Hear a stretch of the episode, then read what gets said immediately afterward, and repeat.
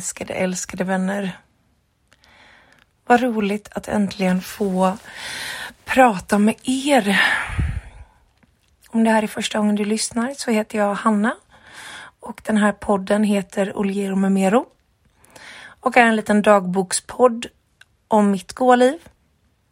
Vet inte vem jag är så heter jag Hanna Oliero på Instagram. Så du får gärna följa med där. Eller det kanske du redan gör. Det kanske är konstigt att lyssna på den här podden i om du inte följer med där.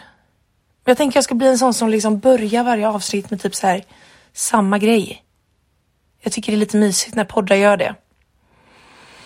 Den här podden kan du använda precis hur du vill. Du kan ha den för att somna, du kan ha den för att gå ut på en promenad. Eller du kan ha den för att inte höra så högt hur tvättmaskinen låter. Ja, vad vet jag. Eh, jag ligger här i min lilla säng i mitt flickrum hos mina föräldrar. Och inser att vi har mycket att prata om idag. Det har varit en eh, händelserik vecka, får jag ändå lov att säga. Vad ska jag börja med? Jo, men jag kan börja med en sak som jag fick reda på precis nu. Eller nej, ska jag ta den sen? Nej, okej, okay, jag tar den nu. jag är inte så mycket av en cliffhanger, eller? Jo, det är jag nog. Eh, Baram heter ju en kille som bor i min lägenhet i Göteborg. Och han har bott hos min familj sedan 2017 och han är en ensamkommande flykting från Afghanistan. Nu har han permanent uppehållstillstånd och han har fast jobb. Och han bor ju då eh, i andra hand i min lägenhet och har gjort det sedan jag flyttade till Jönköping. Och nu har jag hjälpt honom att söka lägenheter. Och idag ringde de och eh, frågade om referens från mig. Vilket jag gav ju lovord för han är världens, alltså det han är så enkel och, och fin och härlig och bra liksom. Och då berättar de att han har fått lägenheten. Alltså han har fått förstahandskontrakt i Partille. Som ligger liksom, ja, en mil utanför Göteborg. Alltså det är så perfekt. Jag blev så glad för hans skull. Jag tror inte riktigt att han kanske helt typ uppfattar hur stort det är att faktiskt få ett förstahandskontrakt. Men eh, så roligt. Men det kommer också innebära, för jag hade planerat att flytta den första februari. Men eftersom att inflytten till den här lägenheten är den första mars så kommer jag låta honom bo kvar i min lägenhet till första mars. Så då får jag helt enkelt bo kvar här hos mina föräldrar. Eh, det hade varit jätteskönt att komma tillbaka till min lägenhet såklart. Men jag tänker bara det hade blivit så bökigt för honom att flytta hem och bara bo här. För då skulle han i princip kunna flytta tillbaka hit, bo här i en månad och sen börja flytta igen. Så jag tänker det är mycket bättre att han eh, får bo kvar där helt enkelt. Men så himla roligt. Alltså, åh. Jag var precis ute och gick min goa, goa dagliga promenad som jag är inne på typ dag 31 eller något. Av att jag uppnått mina rörelsemål, vilket är helt otroligt. Och jag har verkligen börjat älska promenader. Jag stör typ mig på mig själv när jag säger det för att jag är verkligen ingen person som gillar träning. Men jag har verkligen tycker att det är så himla härligt att gå promenader. För jag lyssnar också på ljudbok då. Och då ringde bara mig och bara sa att jag har fått lägenheten. Ja, det visste jag redan då. För de hade ju ringt mig innan. Men eh, så roligt. Han blir på något sätt ett, ett sånt fint exempel på när det går bra liksom. Om, om jag tänker på mitt egna inre kaos så har jag väl alltid, alltid haft liksom rätt förutsättningar för att det ska gå bra. Även om jag själv har kanske förstört en del för mig själv. Men Baram har liksom kommit från nästan ingenting. Och det är så fint att han har på något sätt själv, visst vi har varit runt omkring honom, men han har ju själv byggt upp ett liv där han idag har ett heltidsjobb, nu en lägenhet. Han liksom klarar sig och han har, jag tycker det ger lite perspektiv på livet på något sätt. Och det är väldigt fint. Han är en väldigt, väldigt fin människa. Jag tycker han har betytt mycket för, för mig och för oss och för vår familj liksom. Det är häftigt. En annan sak som har hänt. Jag vet inte om jag sa det här i förra veckan. Jag tror typ inte det. Nej. Det är att jag typ börjat få ordning på min sömn. Alltså kan ni fatta? Det är typ det sjukaste jag varit med om. Jag har ju då alltså haft sömnproblem i typ sju år. Och en stor del i mina sömnproblem är att jag går upp och äter typ fem gånger per natt. Och det gör att jag har svårt att somna om sen. Uh, tidigare hade jag också svårt att somna, men nu har jag, alltså jag har ju liksom insomningstabletter och ja, men, de ska vara, hjälpa på lite olika sätt. Men, och då har jag tänkt att, uh, men det här med att äta, för att det som har varit grejen är så här. I och med att jag tidigare kommer från en ätstörningsproblematik så vill jag inte jag vill inte lägga en värdering i att eller vad jag äter. För jag vill liksom inte göra det så att det blir en, eh, en grej liksom. Men så var det en natt förra veckan där jag, när jag skulle gå upp andra gången, gick upp och då orkade jag inte gå upp till övervåningen. Så då gick jag upp och tog ett glas vatten. Och sen när jag somnade och som när jag vaknade dagen efter och kollade på min sömnapp, då hade jag sovit fyra timmar i sträck. Och det kan jag inte minnas senast det hände.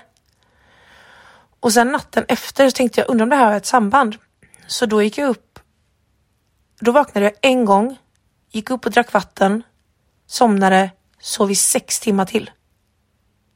Alltså det är, det är så stort. Så då insåg jag att det handlar inte om vad jag äter på natten som påverkar min sömn, men det handlar om att jag äter på natten. Och jag har fått jättemånga som har skrivit att eh, kroppen liksom inte riktigt kan känna skillnad på törst och hunger på natten typ. Och det känns, jag hoppas inte att det här triggar någon för det är, det är verkligen inte det. Alltså det har ingenting med ätstörningar att göra. Jag vill verkligen typ vara tydlig med det utan för mig handlar det bara om att det är jobbigt att jag inte kan sova. Och nu verkar det som att jag äntligen har hittat någon form av väg där jag faktiskt kan få sova. Det känns super, super, super bra. Så det har jag gjort. Alltså förra veckan var ju helt fantastiskt toppen på grund av det. Och sen har det blivit så. Jag har alltid vaknat. Men då har jag haft vatten bredvid sängen, druckit plus att jag liksom satt en lapp eh, precis på mitt nattduksbord där det står drick vatten först. men det är fortfarande så att jag vaknar varje natt tänker instinktivt att jag ska gå upp och äta. Och sen måste jag säga till min hjärna och det är inte lätt när man är typ halvt döende i sömn. Halvt döende i sömn. Nej men liksom när man verkligen inte är, man är rätt groggy liksom. Men jag har lyckats ändå att, eh, ja, att hålla det sen dess. Sen i helgen drack jag ju vin och då sov jag ju hur gott som helst. Ja. Um, Ska vi ta saker i liksom lite kronologisk ordning kanske? Ja. Nej, vi, nej, vi tar dem i relevansordning och kronologisk ordning.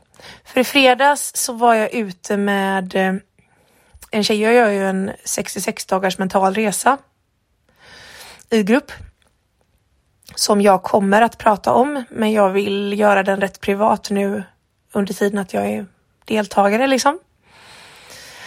Ehm, och då träffade jag en annan tjej ifrån den här eh, gruppen för några veckor sedan. Och nu träffades vi i fredags igen, som på en kompisdejt. Och det var så härligt. Det var jätte, jätte, jätteroligt, jättemysigt. Att få ja, bara hänga med henne liksom. Det betyder väldigt, väldigt mycket att eh, men det är coolt det här att liksom träffa nya människor och så bara klickar man typ. Sen fick jag också äntligen träffa en av mina allra bästa vänner. Eh, ja, det måste varit förra veckan. Ja.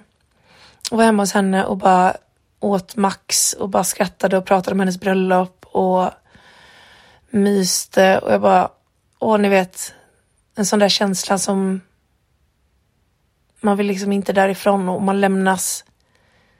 Vissa människor i mitt liv är det verkligen så att när jag, läm när jag lämnar dem så har jag kvar dem så starkt i mig och känner sån tacksamhet för vi har också varit vänner länge. Eh, och jag är som sagt kanske ingen enkel vän med tanke på att jag är dålig på kommunikation. Så det var, det var också väldigt, väldigt fint. Det gav mig väldigt, väldigt mycket. jag träffade också min psykolog förra veckan, när det nu var. Och det kändes jättebra. Nu har vi börjat liksom behandling. Och det, för tidigare har jag liksom haft introsamtal med henne. Intro angående ADHD typ och då har vi liksom bara pratat lite högt och lågt typ.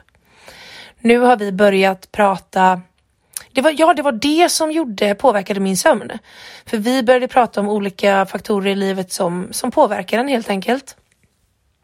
Och då har jag tänkt att jag ska prata, det jag vill prata om är relationer, typ. Men när vi pratade om det så var det som att vi kom in mer och mer på att vi skulle prata om sömn. Och också typ så här anknytning, alltså lite så här förväntan på sig själv på något sätt. Men hon sa en sån gripande sak typ. Och det är liksom att jag Alltså jag är en sån person som när jag inte mår så bra så drar jag mig undan. Jag har svårt att be om hjälp då, även ifall det är egentligen det enda jag vill. Alltså när jag mår dåligt så är det enda jag vill att mina vänner ska knacka på dörren. Men jag kommer aldrig kunna be om det typ.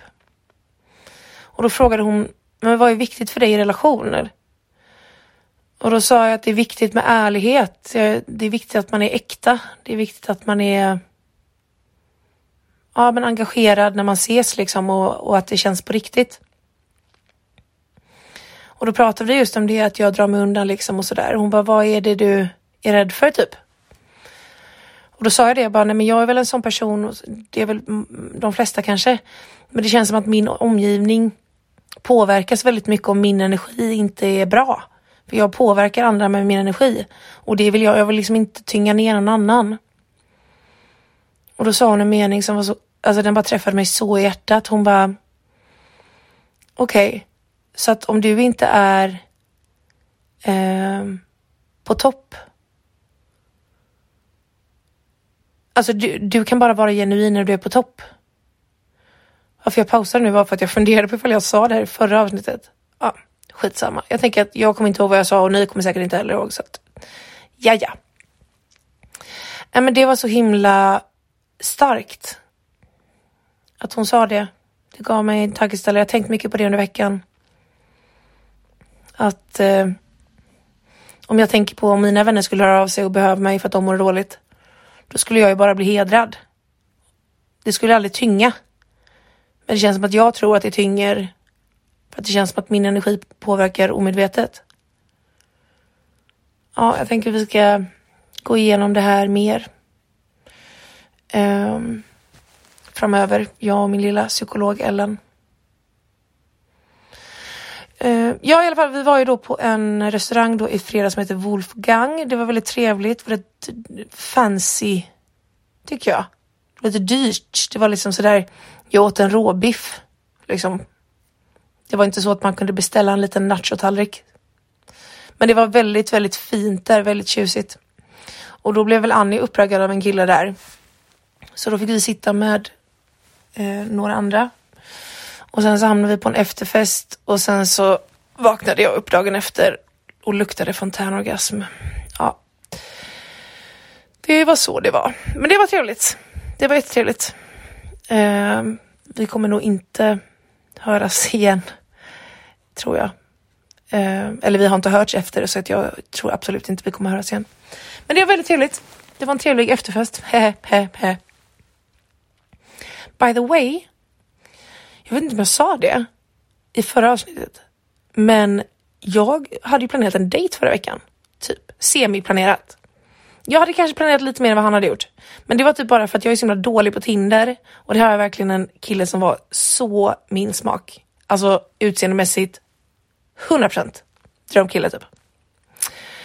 Så då, och han var jätteintresserad och ville verkligen att vi skulle ses och så typ hade väl han lite plan, lösa planer typ, men han bara, men jag ska försöka lösa om det. Och sen så hade han sagt på morgonen att han hade huvudvärk, men jag tänkte att Nej men vad fan, huvudvärk, ta en huvudvärkstablett och så blir det bra. Nej, så ställde han in på, eh, på kvällen. Så jag satt själv i mitt lilla flickrum och eh, drack vin. Eh, det var ju trevligt i och för sig. Och då så hade han också skrivit under dagen. Han bara, alltså jag känner igen dig på något sätt. Har man sett dig någonstans? Jag tycker alltid det är stelt när någon säger så för att vad ska jag säga? Om jag säger typ så här, ja det kanske du har, jag har en Instagram med lite följare. Då blir det skitstelt om han inte har sett mig därifrån. Då kommer jag säga bara nej, det vet jag inte någonting om. Då kan det ju bli att han stakar upp mig och det är inte jättesvårt att hitta mig liksom. Vilket jag antar att han gjorde. Eller jag vet inte, jag har ingen aning. Men jag gick i alla fall in på min Tinder idag. Då har han tagit bort matchen. Matchningen. Matchen säger man kanske inte. Matchningen har han tagit bort. Han eh, ville väl kanske inte dejta Regina Östersmisk och det får jag väl acceptera. Ehm, um, jag, eh, alltså gud, jag älskar att man verkligen överanalyserar hela den här eh, processen. Men jag, min teori är att han hittade mig på Instagram och tyckte att jag var totalt gränslös och kände att det här inte var någonting han vill träffa. Och det köper jag och det typ gör mig inte ens... Alltså, jag tänker att den, den tanken i mitt huvud att det är därför. det känns jättebra. Det, det känns typ inte ens jobbigt för att där är jag så himla så här. Fast jag vill ändå inte gå på dejt med någon som sen kommer upptäcka min Instagram och tycker att jag är gränslös. Nej, men det är lika bra att man vet det innan. Um, men det var första gången som jag faktiskt var lite taggad på att gå på dejt. Och inte bara typ så här, träffa och ligga med någon utan så här, gå på dejt. Typ så här, klä upp sig och liksom prata och fråga och lära känna någon. Ja, det hade varit eh, toppentrevligt. Men det kanske dyker upp igen om tio år. Skojar. Men ja, så han tog bort mig. Men som sagt, det gör inte jättemycket för att jag har ju då byggt upp i mitt goa lilla huvud att eh, det är inte jag. Det är, det är min Instagram. Nej, alltså det är ju jag på min Instagram så att det är ju tekniskt sett är det ju jag. Men eh, ja, det gör typ inte så mycket. Just det då. Eh, efter då i fred, ja då vaknade jag upp där på lördag morgon och mådde skit var jättebakis. Men sen var det hem igen, ut promenad, på't igen. För i lördags var jag på cyberfest. Det var nämligen en cybersyster som skrev till mig för typ en drygt en vecka sedan och sa att hon inte hade några planer på sin födelsedag och frågade ifall jag ville fira med henne och jag bara självklart. Och så frågade jag ut på min Instagram ifall någon ville följa med. Och då följde, vi var nog kanske sju stycken fullvaccinerade cybersystrar. Eh, två hade jag träffat innan. En var en kompis och ja, som var resten. Alltså det var så otroligt kul. Det var, det är så häftigt att träffa människor. Det var, någon sa det där bara, men vi alla känner ju dig Hanna, men du känner ju ingen. och det, nej, så är det ju. Absolut. Men det är också någonting fint för att jag känner att det finns en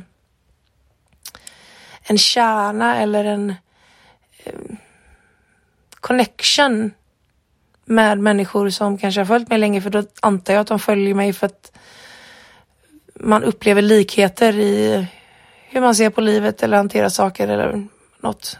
Jag vet inte. Så det var jättekul. Jag kände mig väldigt eh, trygg eller liksom mig själv. Och det kändes väldigt fint. Sen blev det lite stökigt sen senare på kvällen eh, och det behöver jag inte gå in på. Men eh, så det var väl lite så. Men, men det var verkligen en helt supertoppen kväll. Så att jag sov där sen och åkte hem ännu mer bakis dagen efter. Så att eh, ja, eh, man kan säga att igår mådde jag inte toppen. Jag brukar inte bli så bakis faktiskt, men igår var det, då har det liksom varit två kvällar i rad så att det, mm, min lilla kropp sa väl ifrån. Så det har varit skönt med liksom en eh, att nu då vakna upp idag och inte vara, inte känna det. Och idag har jag jobbat på mitt lilla lager. Det också, jag har också tyckt att det har varit kul.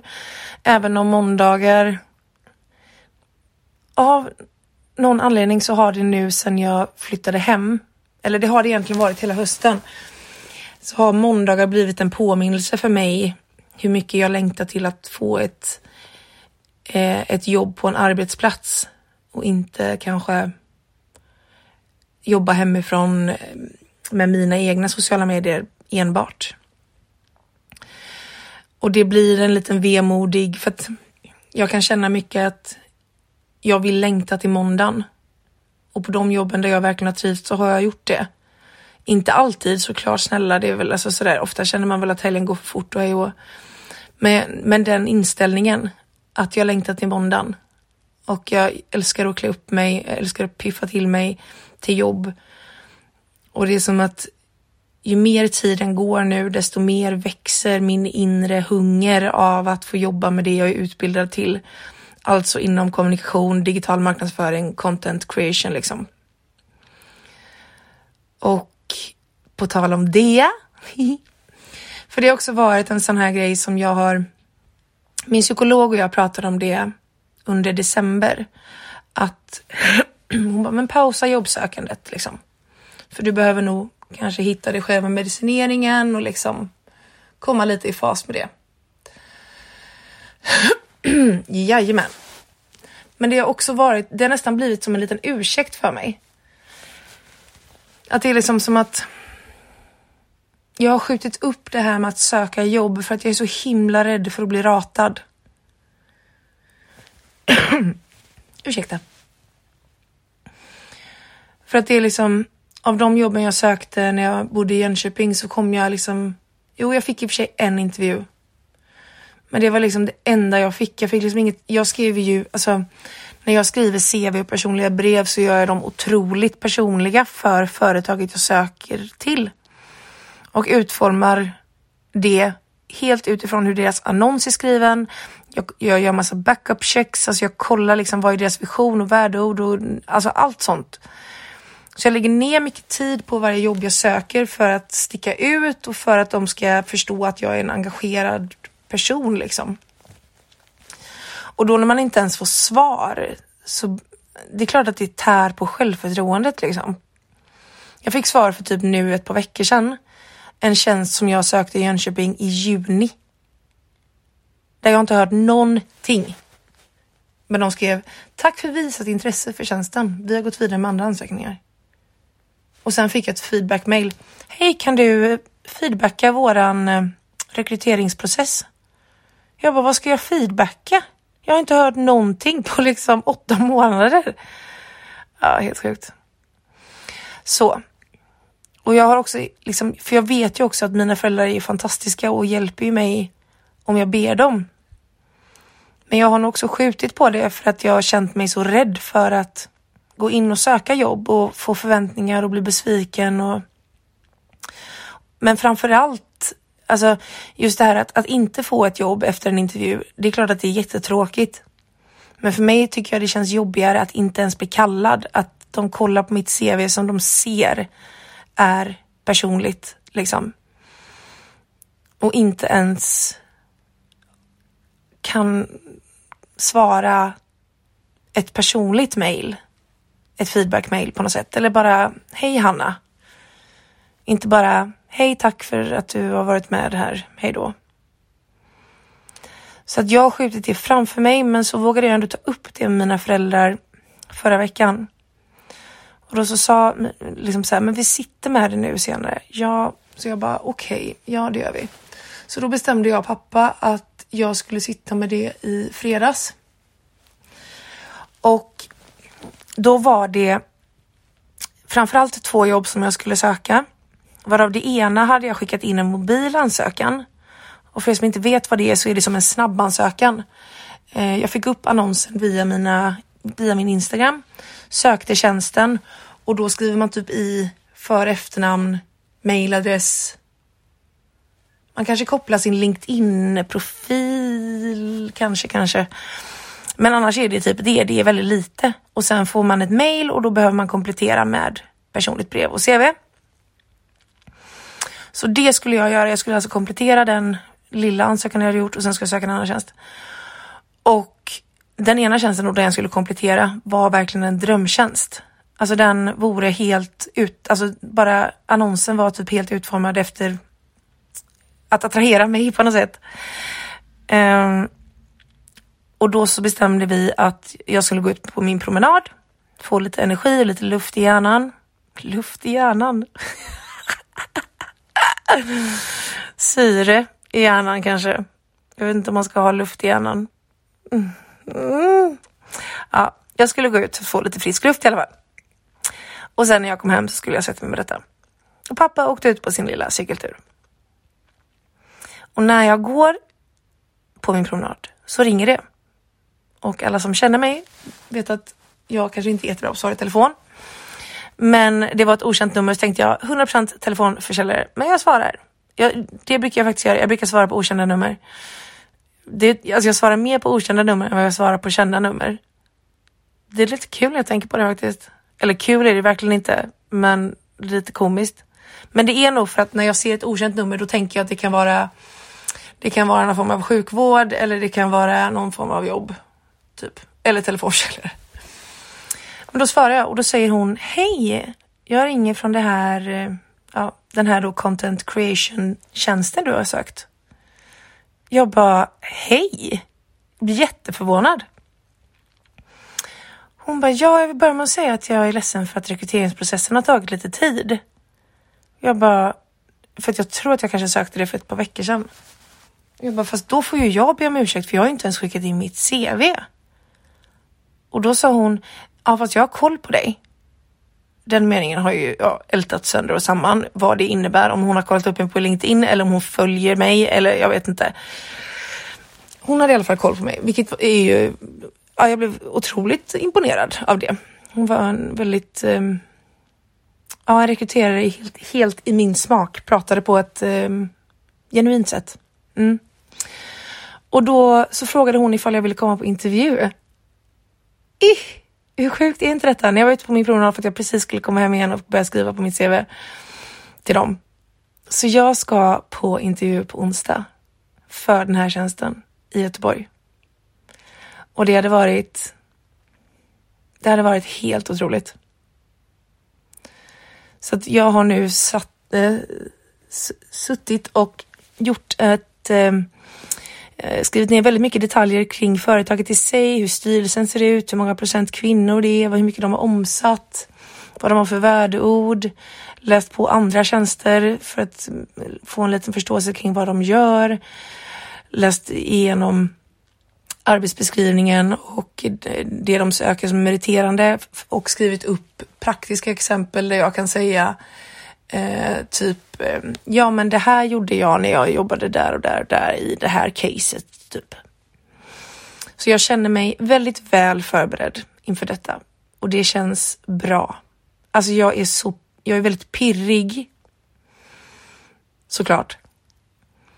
Men jag känner typ också ett, ett lugn för att jag skrev ut det på min Instagram när jag hade fått när jag hade pratat med henne. Jag gick runt och grät resten av promenaden. Jag skojar inte. Folk tittar på mig och bara, vad håller hon på med? Men för mig var det så mycket mer än bara en första intervju. För de kanske, de kanske har 50 pers på intervju. Lär väl de kanske inte ha med tanke på att det tar ju himlans massa tid. Men de kanske har 10, vad vet jag? Eller så har de 50 och så har de värsta rekryteringsprocessen för det här, vad vet jag? Men för mig var det bara det att någon ringde och sa du verkar intressant, vi vill träffa dig. Alltså de orden var så... Alltså det var så otroligt bara rörande. För jag känner att jag har förlorat mycket av min yrkesmässiga eh, självkänsla och självförtroende sen jag kraschade i höstas. För liksom när jag gick ut, när jag tog examen från min utbildning till digital marknadsförare. Jag gick ut med högsta betyg i alla ämnen utom ett. Alla ämnen utom ett. Jag kände att jag var på topp. Jag hade hela världen framför mig och jag skulle bli den bästa digitala marknadsföraren och ja, ni vet. Alltså inte, inte hybris som att jag skulle bli bättre än någon annan, utan bara att jag skulle bli bäst av mig själv liksom. Jag var så säker på att det här var så rätt bransch och det är jag. Men det är bara som att elden inom mig och den det engagemanget som jag har för yrke, eller för mitt arbetsliv. Egentligen oavsett vad jag jobbar med, men, men jag har en hög arbetsmoral liksom. Och den har väl inte förändrats, men arbetsglöden har förändrats genom min depression i höstas helt enkelt. Och hennes samtal ändrade liksom det. Och det kändes som att jag det växte, som jag, jag sa det liksom att det, det, kom som en gnista av hopp. Och den gnistan kan bli till en eld liksom. Så att jag kände verkligen när jag bara, åh vad glad jag blir att de är intresserade. Och då innebär det att då kanske andra också kan bli det ifall inte jag får den här tjänsten. Sen, ja det är klart att jag skulle bli jättebesviken om jag inte går vidare från detta. Men jag måste också någonstans intala mig att jag kan inte få eh, en intervju och så får jag det jobbet. För det känns också naivt. Så att jag ska verkligen gå in med inställningen av att eh, inte ha för höga, höga förväntningar och förhoppningar. Men eh, självklart kommer jag bli besviken om jag inte får det, ja.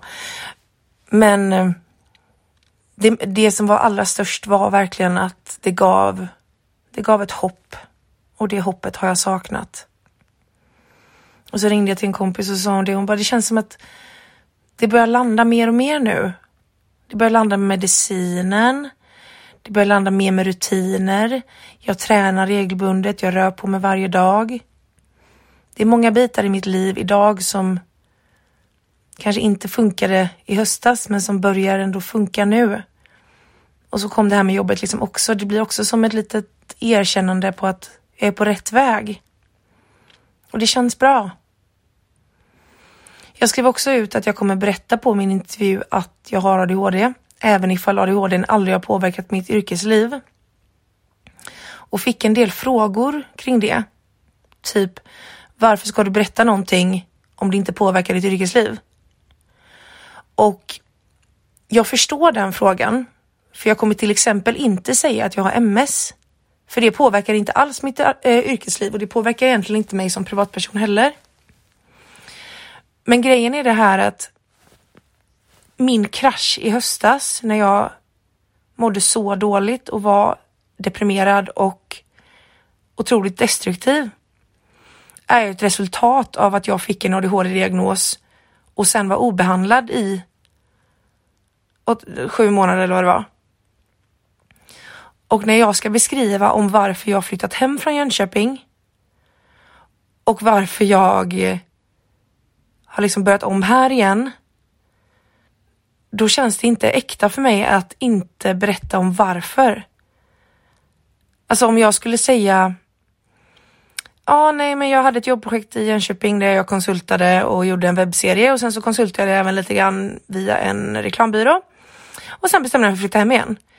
Det är ingen lögn i sig. Men det är inte jag.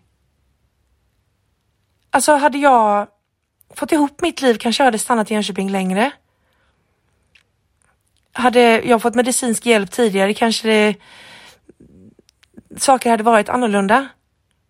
Och det, det går inte att ångra och det, det gör jag liksom inte heller utan det hade sin gång. Men jag vill inte sitta på en intervju och liksom jag vill på något sätt bara att någon accepterar mig för då kommer jag ge dem allt. Jag vill inte sitta och behöva försköna.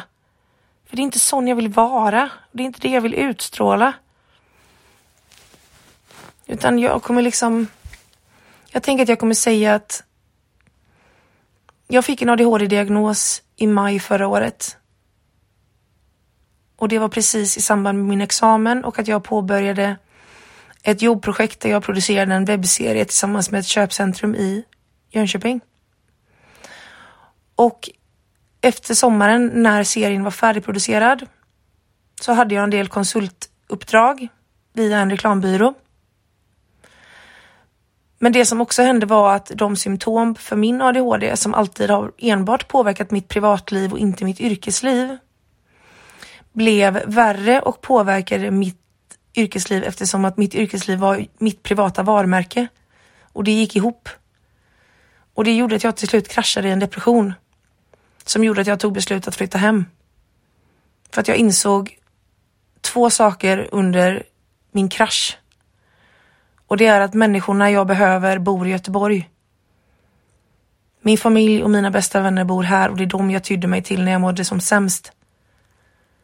Det andra jag insåg, det var att jag tror att jag behöver en arbetsplats. Jag behöver ett företag att...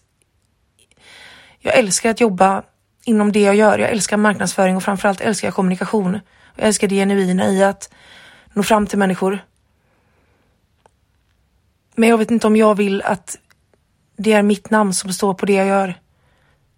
Som liksom ansiktet utåt. Jag skulle så mycket hellre vilja göra det på ett företag och få utlopp för det där. Ja. så att jag har tänkt jättemycket fram och tillbaka om jag ska säga någonting och jag kommer att göra det. Och känner de att de blir skrämda av det. För att de upplever det som en, en hudlöshet som man kanske inte ska ha på arbets, i arbetslivet. Då kanske inte jag är rätt för dem och de är kanske inte rätt för mig. För det... Jag vill inte säga att man behöver välja mellan karriär och familj. Det är verkligen inte det jag försöker säga, så jag vill bara förtydliga det. Men i och med att jag aldrig har drömt om familj så har framtiden för mig varit väldigt kopplad ihop med mitt arbetsliv. Och för mig känner jag att det kommer vara så, det är redan så viktigt för mig att att jag har ett jobb som utmanar och där jag kan växa. Och jag vill ge så mycket tid och e- energi och engagemang till, till mitt jobb. Så därför känns det också viktigt att jag är ärlig från början där. Och när jag tänker på det så känns det bra i hjärtat att få vara det. Det känns bra. Så nu imorgon ska jag faktiskt åka till Jönköping. Jajamän. Jag har ju då hittat min eh, världens bästa frisör som heter Vilma. Och alltså jag har haft så mycket frisörproblem i mitt liv. Eller jag har liksom haft lite, jag har tyckt att det varit jobbigt att gå till frisören. Så när jag väl nu har hittat en som jag tycker är så himla bra då känns det jättejobbigt att byta frisör. Så nu har jag valt att gå kvar hos henne. Så då åker jag till Jönköping imorgon och så fixar hon håret med imorgon eftermiddag. Och då passar jag på att åka lite tidigare för att träffa min kära vän Kristoffer som även var fotografen i min webbserie. Och vi kommer diskutera ja, livet såklart, herregud. Vi har alltid så mycket att prata om. Men det kanske också är så att vi kan hitta på något roligt projekt tillsammans i framtiden. Jag trivdes så bra att jobba med honom. Och jag tror att han gjorde det med mig också. Vi är väldigt, väldigt olika som personer, men fungerar väldigt bra både yrkesmässigt och vänskapsmässigt liksom. Så det ska bli jätteroligt att få träffa honom. Det ska verkligen bli jätteroligt. Och sen då, på, ja, sen åker jag tillbaka från Jönköping imorgon kväll. Och sen då på onsdag så ska jag på min intervju klockan halv tio. Så snälla håll alla era tummar. och jag försöker säga det till mig själv att om inte jag får det här jobbet så betyder inte det att jag inte är tillräckligt bra.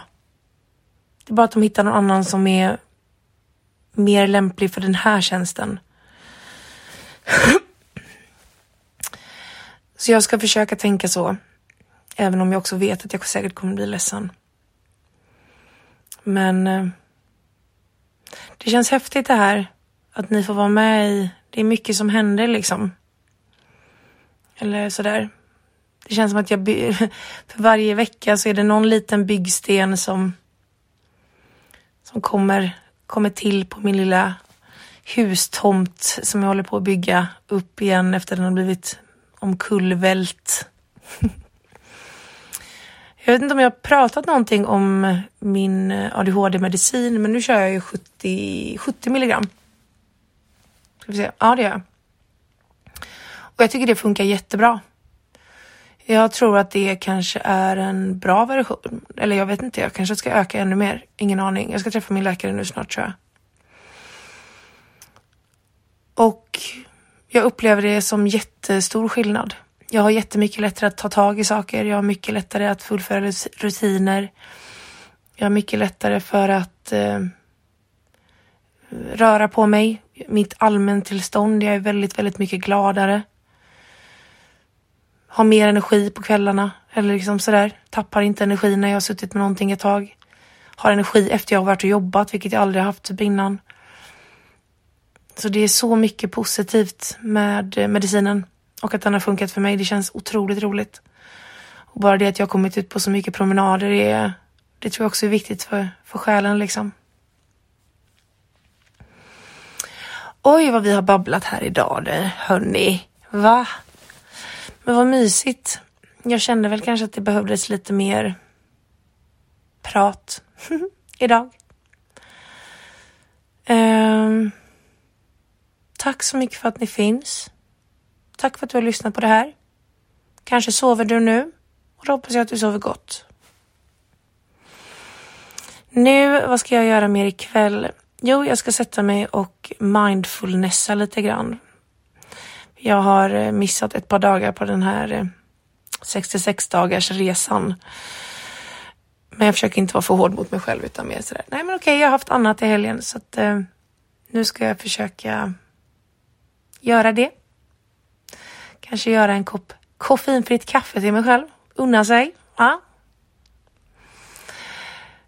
Ja. Jag önskar er en underbar vecka och att ni tar hand om er, är rädda om er. Så hörs vi igen nästa vecka. Puss puss!